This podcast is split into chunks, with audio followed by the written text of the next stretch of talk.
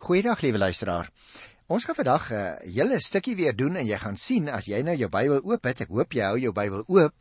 Altyd gereed maak vir ons uh, program vir die uitsending, want ek gaan vandag 1 Kronieke die 18de hoofstuk van die eerste vers af behandel tot by hoofstuk 20 vers 8. Die rede hoekom ek so lank gedeelte gaan behandel, sal jy dadelik sien as jy die Bybel voor jou het. Hier's 'n vreeslike klomp name en getalle in hierdie gedeelte en hier is in 'n sekere sin 'n oorsig van geskiedenis wat ons ook al in die boek 2 Samuel behandel het. En daarom wil ek ter inleiding ook miskien juis vir die aandag van ons luisteraars wat dalk vir die eerste keer inskakel vandag vir jou net weer 'n keer herinner en vir jou so ietsie vertel van hierdie kronistiese geskiedwerk. Kyk, ons is nou besig met die boek 1 Kronieke. Later gaan ons natuurlik ook nog twee kronieke se die Here wil behandel. Maar uh, dit vorm eintlik deel van 'n groter geskiedwerk wat ons gewoonlik noem die kronistiese geskiedwerk. Nou wat sou dit wees? Kom ek vertel jou eers 'n bietjie daarvan. Die kronistiese geskiedwerk is eintlik 'n ander groot historiese werk wat 'n noue verband met die Salomo tyd het. En die band lê veral daarin luisteraars dat dit ook 'n oorsig oor die Dawid Salomo era gee. En eintlik bestaan dit uit verskillende boeke in die Bybel, naamlik 1 en 2 Kronieke en ook die boekies Esra en Nehemia. So as jy ooit hoor die dominee of die pastoor praat van die kronistiese geskiedwerk, dan praat hy van 1 en 2 Kronieke en Esra en Nehemia. Nou dit is natuurlik 'n hele stuk lang stuk geskiedenis uh, wat ek nie nou vir jou gaan probeer vertel nie wat in hierdie boeke, vier boeke, 1 en 2 Kronieke, Esra en Nehemia vertel word. Die historiese werk wat daarin gedek word, dek die tydperk vanaf die skepping tot by Nehemia. Maar let nou op, anders as die Deuteronomistiese geskiedwerk waaroor ek ook nou al gesels het, dek hierdie kronistiese geskiedwerk die tydperk van die skepping tot Dawid deur middel van die geslagslyste en gee dit ook terselfdertyd 'n oorsig van die gebeurtenisse na die ballingskap tot by Nehemia wat glad nie in die Deuteronomistiese geskiedwerk eers voorkom nie. Met ander woorde, kom ek sê dit andersom, dan is dit makliker. Die kronistiese geskiedwerk het eers na die optrede van Esdra en Nehemia, so ongeveer in die jaar 350 voor Christus, sy finale vorm gekry. Dit maak egter gebruik van ouer geskrifte as bronne wat agter die dele wat ons hier voor ons het lê. Na alle waarskynlikheid luisteraars, was die boeke wat ons nou as Samuel en Konings ken, ook tot beskikking van die skrywer of die skrywers van die boek Kronieke. Kronieke se weergawe van gebeurtenisse tydens die koningstydperk, dit wil sê van Saul tot by die ballingskap, verskil grootliks hoor van die weergawe wat ons kry in Samuel en Konings. Die verskille is meesal geleë in die seleksie van die stof en in die doel en die gees van die aanbieding daarvan. So byvoorbeeld noem Kronieke Saul net kortliks en ignoreer Dawid se sondes geheel en al en ook die probleme as ook die afgoderry van Salomo. Die kroniekskrywer vertel vir ons niks daarvan nie, nie omdat hy 'n leuen wil vertel nie, maar omdat hy die geskiedenis uit 'n bepaalde gesigshoek aan ons wil deurgee. Byvoorbeeld ook min aandag word gegee aan die konings van die noordelike ryk wat wel baie beklemtoon word in die kronistiese geskiedwerk is natuurlik Dawid se voorbereidings vir die bou van die tempel en daarom het ek verlede keer lank daaroor stil gestaan. En die uiteindelike bou daarvan deur Salomo, want Dawid wou die tempel bou, maar die Here het vir hom gesê jy kan nie tempel bou nie, jou seun Salomo sal die tempel bou. En daaraan gee die kroniekskrywer baie aandag. Ook byvoorbeeld die hervormings van Hiskia en Josia word in baie meer besonderhede beskrywe as in die boek Konings. Nou natuurlik, liewe luisteraar, daar moet redes voor wees. Die redes vir die verskille moet gesoek word, lyk dit vir my, in die bedoeling van die kroniek skrywer. Dit is nie geskryf as 'n naslaanwerk oor gebeurtenisse van die verlede nie. Dit is geskryf om die ballinge wat na Jerusalem toe teruggekeer het te bemoedig. Ek het dit een keer vir jou al so 'n bietjie vertel toe ek gepraat het oor die inleiding van die boek. Volgens Kronieke was die tyd van Dawid 'n ideale tyd toe die volk en die koning in 'n ideale verhouding met die Here gelewe het. Dit was 'n godsryk inderdaad volgens die siening van die kroniekskrywer, want die Here het deur Dawid geregeer. Die tempel met sy personeel en sy gebruike geniet baie aandag in die kroniekboek omdat God self daar in die tempeldienste teenwoordig was. Net soos destyds met Dawid, so daar ook nou vir die teruggekeerde ballinge 'n nuwe heilstyd aangebreek waarin God weer by sy volk teenwoordig is op 'n baie besondere manier. Toe was dit deur die tempel erediens met sy offers en ander gebruike. Nou is dit deur die woord en waar die woord verkondig word vir hierdie ouens wat teruggekom het uit die ballingskap. Juda kry byvoorbeeld al die aandag, maar ook daar val die klem op Jerusalem en in Jerusalem op Dawid. Dawid se belangrikheid spruit voort uit die tempel wat hy beplan het. Die tempel en sy personeel en die gebruike hang weer ten nouste saam met die feit dat die Here daar teenwoordig is. En op dië manier word die hele geskiedenis van Juda en Israel beskou vanuit die Here se teenwoordigheid by sy volk. Dit is wat die kroniekskrywer wil tuisbring aan die mense wat teruggekeer het uit die ballingskap. Die boodskap van hoop met ander woorde aan die teruggekeerde ballinge word dus uit die ervaring van die verlede gehaal. Met ander woorde, die skrywer herinner hulle hoe goed God vir sy mense was voor die ballingskap. En daarom, dit is die betoog van die kronikus, kan julle verseker weet die Here gaan in die toekoms ook vir julle baie goed sorg. En daarom word die stof oor die verlede nie alles behandel nie, maar net sekere sake word uitgekies en kry ons nou hier neergepen in die boek Kronieke. Dis ook die rede luisteraars waarom die gebeurtenisse op so 'n eie soortige manier aangebied word. Met God teenwoordig deur sy woord het die godsryk reeds aangebreek. Al lyk dinge ook vir hulle hoe donker op hierdie stadium waar hulle nou weer die land Israel of Palestina, soos dit in die geskiedenis bekend geraak het, moet begin opbou. En daarom moet ons onthou uit watter gesigshoek dit dus geskryf is. En dit is hoekom ek nou vandag sommer 'n lang stuk met julle gaan behandel. Luister byvoorbeeld as mense nou hier kyk na 1 Kronieke 18 se eerste 2 verse want ek gaan die meeste daarvan uitlaat verder.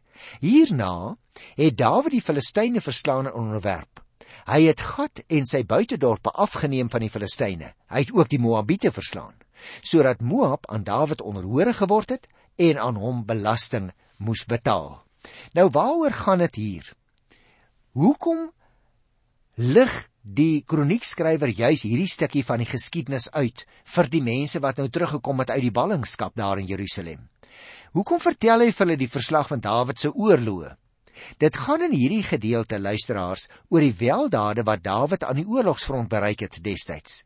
Die verslae van die verskillende gevegte waarin Dawid en sy manne betrokke was, stem ooreen met gedeeltes byvoorbeeld daar uit 2 Samuel 8 uh, en 9, jy kan dit maar self gaan lees, wat onder andere oor Dawid se oorspel met Batseba gaan. Maar hier kom dit glad nie na vore nie. Hoekom nie? Soos ek net nou gesê het, omdat die kroniekskrywer die ouens wat terugkom uit die ballingskap wil herinner aan die Here se goedheid. Hoe dat hy vir Dawid ook vergewe het ten spyte van sy oorspel met Dawid en daarom verwys hy glad nie eers hier daarna nie. Dit is met opset so bedoel omdat kronieke 'n ander bedoeling het met sy geskiedenis as wat die bedoeling met die Samuelboeke was.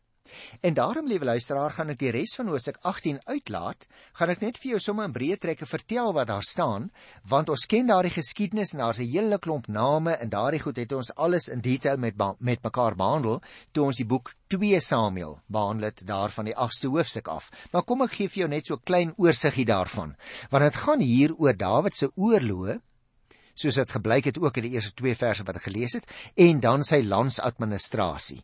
Die hooftema uh van die volgende 3 hoofstukke 18 tot 20 handel dan eintlik oor hierdie selfde tema.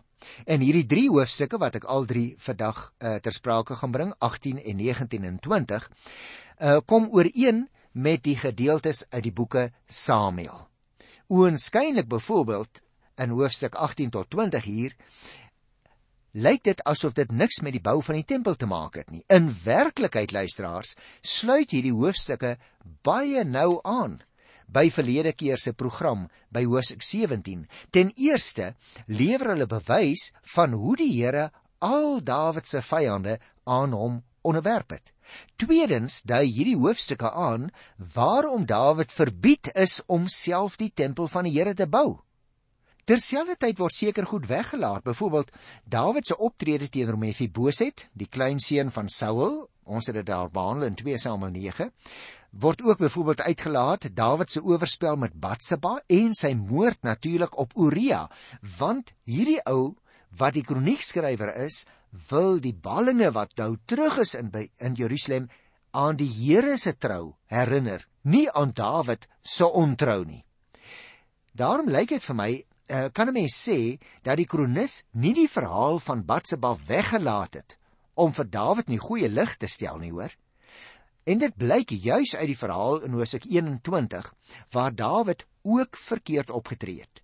Dit is juis die rede waarom die oorwinnings van Dawid met die hulp van die Here behaal is. En dit is wat hier onderstreep word.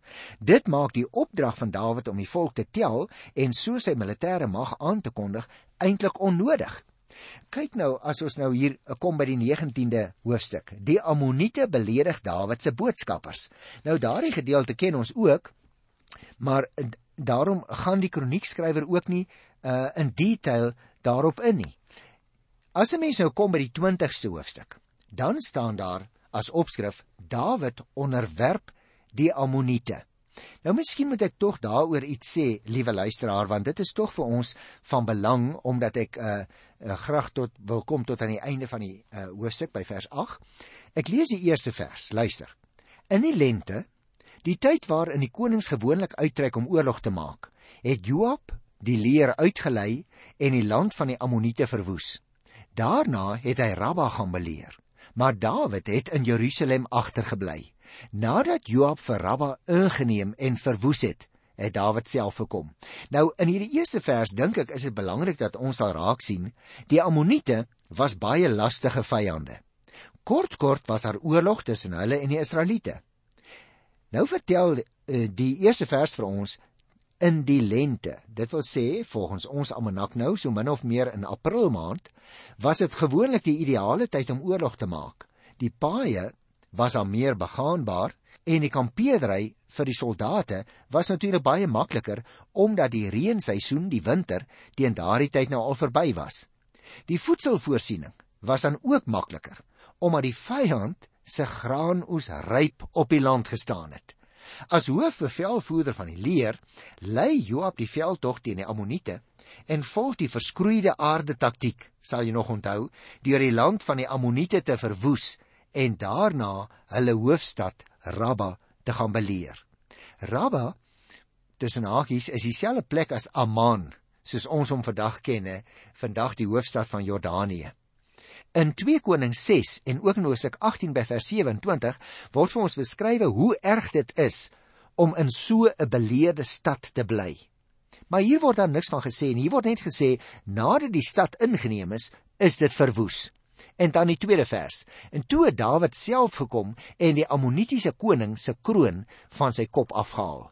Dit was van goud met 'n kosbare steen daarin en die stie, en die gewig van die kroon was sowat 34 kg. Dit het nou op Dawid se kop gekom en hy het ook 'n groot buit uit die stad weggeneem. Jy sien liewe luisteraar, weer eens word die sukses van koning Dawid vir ons onderstreep. As teken dat die vyand se mag finaal verbreek is, het Dawid, wat nou spesiaal van Jerusalem af gekom het, die Ammonitiese koning se groot, swaar goue kroon met 'n kosbare steen van sy kop afgehaal en op sy eie kop gesit. Die derde vers vertel vir ons: Dawid het die burgers van die stad weggevoer en hulle aan die werk gesit met saag, eysterbytel en byl. So het hy teenoor die Ammonitiese stede opgetree. Daarna het hy en al die burgers na Jerusalem toe teruggegaan. Weereens, Dawid laat die weggevoerde Ammoniete dwangarbeid doen. Met ander woorde, hy is die koning, hy is suksesvol. In plaas van wapens word hulle 'n saag en 'n eysterbytel en 'n byl in die hand gegee. As Joab die stad self ingeneem het, sou dit 'n teken van opstand teen Dawid kon wees. Nou word ook Rabba deel van Dawid se persoonlike eiendom. Al die pad is die kronikus besig om vir ons te vertel hoe dat die Here vir Dawid geseën het. En dan kom ons hier by die 4de tot die 8ste versie, Dawid se oorlog teen die Filistyne. Kom ek lees dit gou vir jou. Daarna het daar oorlog met die Filistyne in Geser uitgebreek. Daar het Sibekai die Gesiet en Sipai die Rifaite geslag verslaan en moes die Filistyne hulle onderwerp. In 'n ander geveg teen die Filistyne het Elganan, die seun van Jaar van Lagmi, die broer van Goliat uit Gat verslaan. Sy spiessteel was so dik soos 'n dwarsbalk van 'n weefstoel. Op 'n ander keer was daar oorlog in Gat. Daar was 'n lang man met 6 vingers aan elke hand en 6 tone aan elke voet. Saam was dit 24. Hy was ook 'n Rifait van geboorte. Hy het die Israeliete getart. En toe het Jonathan, die seun van Dawid se broer Samma, hom doodgemaak. Dit was dan die Rifaite wat in Gat gebore is. Luister nou. Dawid en sy manskappe het hulle laat sneuwel. Jy sien, in die gerigtheid op die tema van die teokratiese koningskap word die gebeure van wat ons ook daar gekry het in 2 Samuel 13 tot 20 en wat oor allerlei huislike omstandighede en die magstryd binne die paleis gehandel het, dit word glad nie hieroor vertel deur die kronikus nie. Die gebeure in hierdie perikoop sluit aan by 2 Samuel 21. Met ander woorde, benewens die oorlog teen die Filistyne word hier nog 3 botsings met hulle genoem, maar daar word nie oor uitgebrei nie. Al wat vir die kronikus belangrik is op hierdie punt is dat jy en ek sal raak sien hoe goed die Here sy beloftes aan Dawid gestand gedoen het. Met ander woorde, die kronikus is al die pad besig om Dawid uit te lig. Hy plaas hom so bietjie in die lig dat ons kan sien Dawid was 'n simbool van die goedheid van die Here. En daarmee natuurlik wil die kronikus die ouens wat teruggekom het uit die ballingskap bemoedig. Jy miskien vra, liewe luisteraar, uh nou hoekom uh is Dawid nou so in die lig hierso? Want in die vorige program het jy gesien hoe dat Dawid baie nederig was voor die Here. En hier maak die kronikus as dit ware van hom die held en dit is presies die bedoeling van die kronikus. Want sal jy onthou, Dawid en sy nageslag het 'n belangrike rol in die geskiedenis van Israel vervul. Die Here het Dawid in sy huis uitgekies om as koning oor sy volk te regeer. Omdat God self die eintlike koning van Israel was, was Dawid in sy geslag maar eintlik net die Here se verteenwoordigers by sy volk. Hulle is gesalf om as priester konings God se wil bekend te maak en om die volk te lei om in gehoorsaamheid aan die Here te lewe. En dit is wat die kronikus vir ons wil uitlig, hoe dat die Here sy beloftes aan Dawid en sy nageslag waargemaak het. As ons nou as Nuwe Testamentiese gelowiges daaroor dink, dan sou ek vir jou dit wou sê, wanneer die Here Jesus Christus die seun van Dawid genoem word in die Nuwe Testament, word verstaan dat Jesus die gesalfde koning is wat van God gekom het en die nuwe Israel tot verzoening met hulle God te bring. Deur sy priesterlike diens maak die Here Jesus sy kerk hier op aarde tot dienaar en tot priester vir God die Here. Met ander woorde, jy en ek moet die lyn wat die kronikus wil deurtrek baie duidelik raak sien. Hy trek dit deur van Dawid af. Hy vertel daardie geskiedenis tot in die ballingskap. Maar jy en ek as Nuwe Testamentiese gelowiges kan die lyn soos wat hy verder geloop het in die res van Oud-Israel se geskiedenis tot met die koms van die Here Jesus duidelik sien. Watter lyn? Die lyn wat Nathan as mondstuk van die Here in 2 Samuel 7 aan Dawid gegee het om te sê: "Luister Dawid, hier is die lyn. Dink vorentoe as jy wil. Die Here het jou gesalf, hy het jou afgesonder, hy gaan jou nageslag afsonder en uit jou geslag uiteindelik sal daar iemand kom op die troon wie se koninkryk vir alle tye geldig sal wees. En dit is die lyn wat jy en ek moet raak sien. Jesus Christus is die een wat die belofte aan die koningshuis van Dawid waar kom maak het. Hy het gekom om finaal die beloftes te kom vervul. En daarom ag die kronikus dit nodig om hier in hierdie gedeelte wat ons vandag behandel het, uit te lig dat die Here absoluut getrou is. Ek wil graag luisteraars voordat ons afsluit met vandag se program dan nog 'n bietjie uitborduur rondom hierdie hele gedagte van die Here het Dawid gebruik. Uh maar dit gaan nie om Dawid nie. Dawid moes eintlik maar die voorbereidings tref vir die bou van die tempel. Maar dit gaan nie daaroor dat die Here in 'n huis aanbid kan word nie, want die Here is nie gebonde soos die heidene se gode was aan 'n gebou nie. Wat is ware aanbidding? Kom ons kyk eers so vir 'n oombliekie na Dawid se situasie, dan praat ons so 'n bietjie oor onsself as Nuwe Testamentiese gelowiges. Jy sien, Dawid het die verbondsark na Jerusalem toe gebring omdat hy wou hê dat die hele volk die Here moes aanbid. Hy moes eers uit die wet van Moses gaan leer wat die regte manier is waarop dit gedoen moes word. Die Here het vir hom die planne vir die bou van die tempel gegee. En Dawid het die priester se werk so georganiseer dat daar voortaan 'n sentrale aanbiddingsplek in Israel sou wees. Nou op die stadium dat die kronikus skrywe, was Jerusalem verwoes. Die tempel is verwoes. Die volk kom pas terug na 'n periode van ongeveer 70 jaar van ballingskap in Babel en nou gaan hulle begin om die tempel te herbou. Die vraag is: Wat is jou en my verantwoordelikheid? Die diens wat die Here van ons vra, liewe luisteraars, kan nie op enige willekeurige manier gedoen word nie. Ons moet na sy woord toe gaan om te vra, hoe Here wil u hê moet ons u dien? En in sy mensgeworde woord Jesus Christus leer ons om ons hele lewe in te klee as diensknegte van God wat met sy wil ons hele lewe wil deursuur in die positiewe sin van die woord. Daarom sal jy onthou wanneer die Here Jesus met daai vrou gesels in Johannes by die 4de hoofstuk by die put van Sigar en sy vra uh, nou Rabbi, waar moet ons nou aanbid? Moet ons in Jerusalem aanbid soos julle Jode sê of moet ons teen Berg Gerizim aanbid waar ons voorvaders, die Samaritane, 'n heiligdom gebou het? Waar moet ons aanbid? Dan sê die Here Jesus vir haar: "Luister vrou, dit maak nie so seer saak waar jy aanbid nie, maar jy moet God in opregtheid en met 'n eerlike hart aanbid." En daarom, liewe luisteraar, moet jy en ek dit ook baie mooi verstaan. Ons kan nie die Here afgrens. Ons kan hom nie inperk tot 'n gebou nie. Dit is wonderlik en gerieflik dat ons 'n uh, eh, plekke van aanbidding het, maar dit is nie die plek waar die Here woon nie. En dit is wat Dawid reeds in sy gebed wat ek behandel het, toe uh, die profeet Nathan vir hom gesê het, dis reg, jy kan 'n huis vir die Here bou, wat Dawid reeds dadelik self gesê het. Ek kan nie 'n huis bou waar die Here woon nie.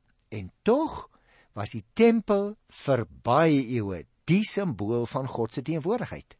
En wie hy as 'n mens nou konkreet daaroor wil dink. Sien nou maar 'n ou ry van die Goeie Kaap hier na die noorde of van die noorde Kaapstad toe en jy ry deur die lang vlaktes van die pragtige Karoo. Het jy al opgemerk? Jy kom nog ver aan. Die eerste ding wat jy sien is die toring van die kerkgeboue. Nou 'n mens kan hom nou dink dit is net 'n toring, maar dit is die simbool van die Here word hier aanbid. En daarom is 'n kerkgebou tog ook van groot waarde. Daarom doen ons ook gewoonlik nie 'n hele klomp ander goed wat ons in enige gebou sou doen nie, omdat ons tog in 'n sekere sin daardie plek afgesonder het vir aanbidding van die Here. Dit maak nie van die plek 'n heilige plek nie, liewe luisteraar. Dit maak net van die plek 'n plek van afsondering waar ons so bietjie uit die geroese moes van die dag en van die week kan gaan sit en luister na die Here se woord, waar ons saamkom as gelowiges om die Here te loof en te aanbid. Maar jy sal weet, as 'n mens geen gebou het nie, as jy vakansie hou of jy op 'n toer of jy is in 'n geselskap, dan is dit onder 'n boom of onder die oop hemel van uh, die aandlig as dit nag geword het, ook net so geleë om die Here daar te aanbid. En dit is waarom dit gaan in die boek Kronieke. Hoe dat die Here vir Dawid gebruik het, maar die Here kan nie vasgevang word in die gebou wat Dawid opgerig het nie. Dit is vandag nog so. Ek groet jou in die wonderlike wonderlike naam van die Here wat deur sy gees daar by jou persoonlik teenwoordig is. Of dit is voor jou radio, of dit is in jou motor, of dit is op 'n siekbed. Geliefde, die Here is by jou deur sy gees. Wonderlike wonderlike God. Tot volgende keer. Totsiens.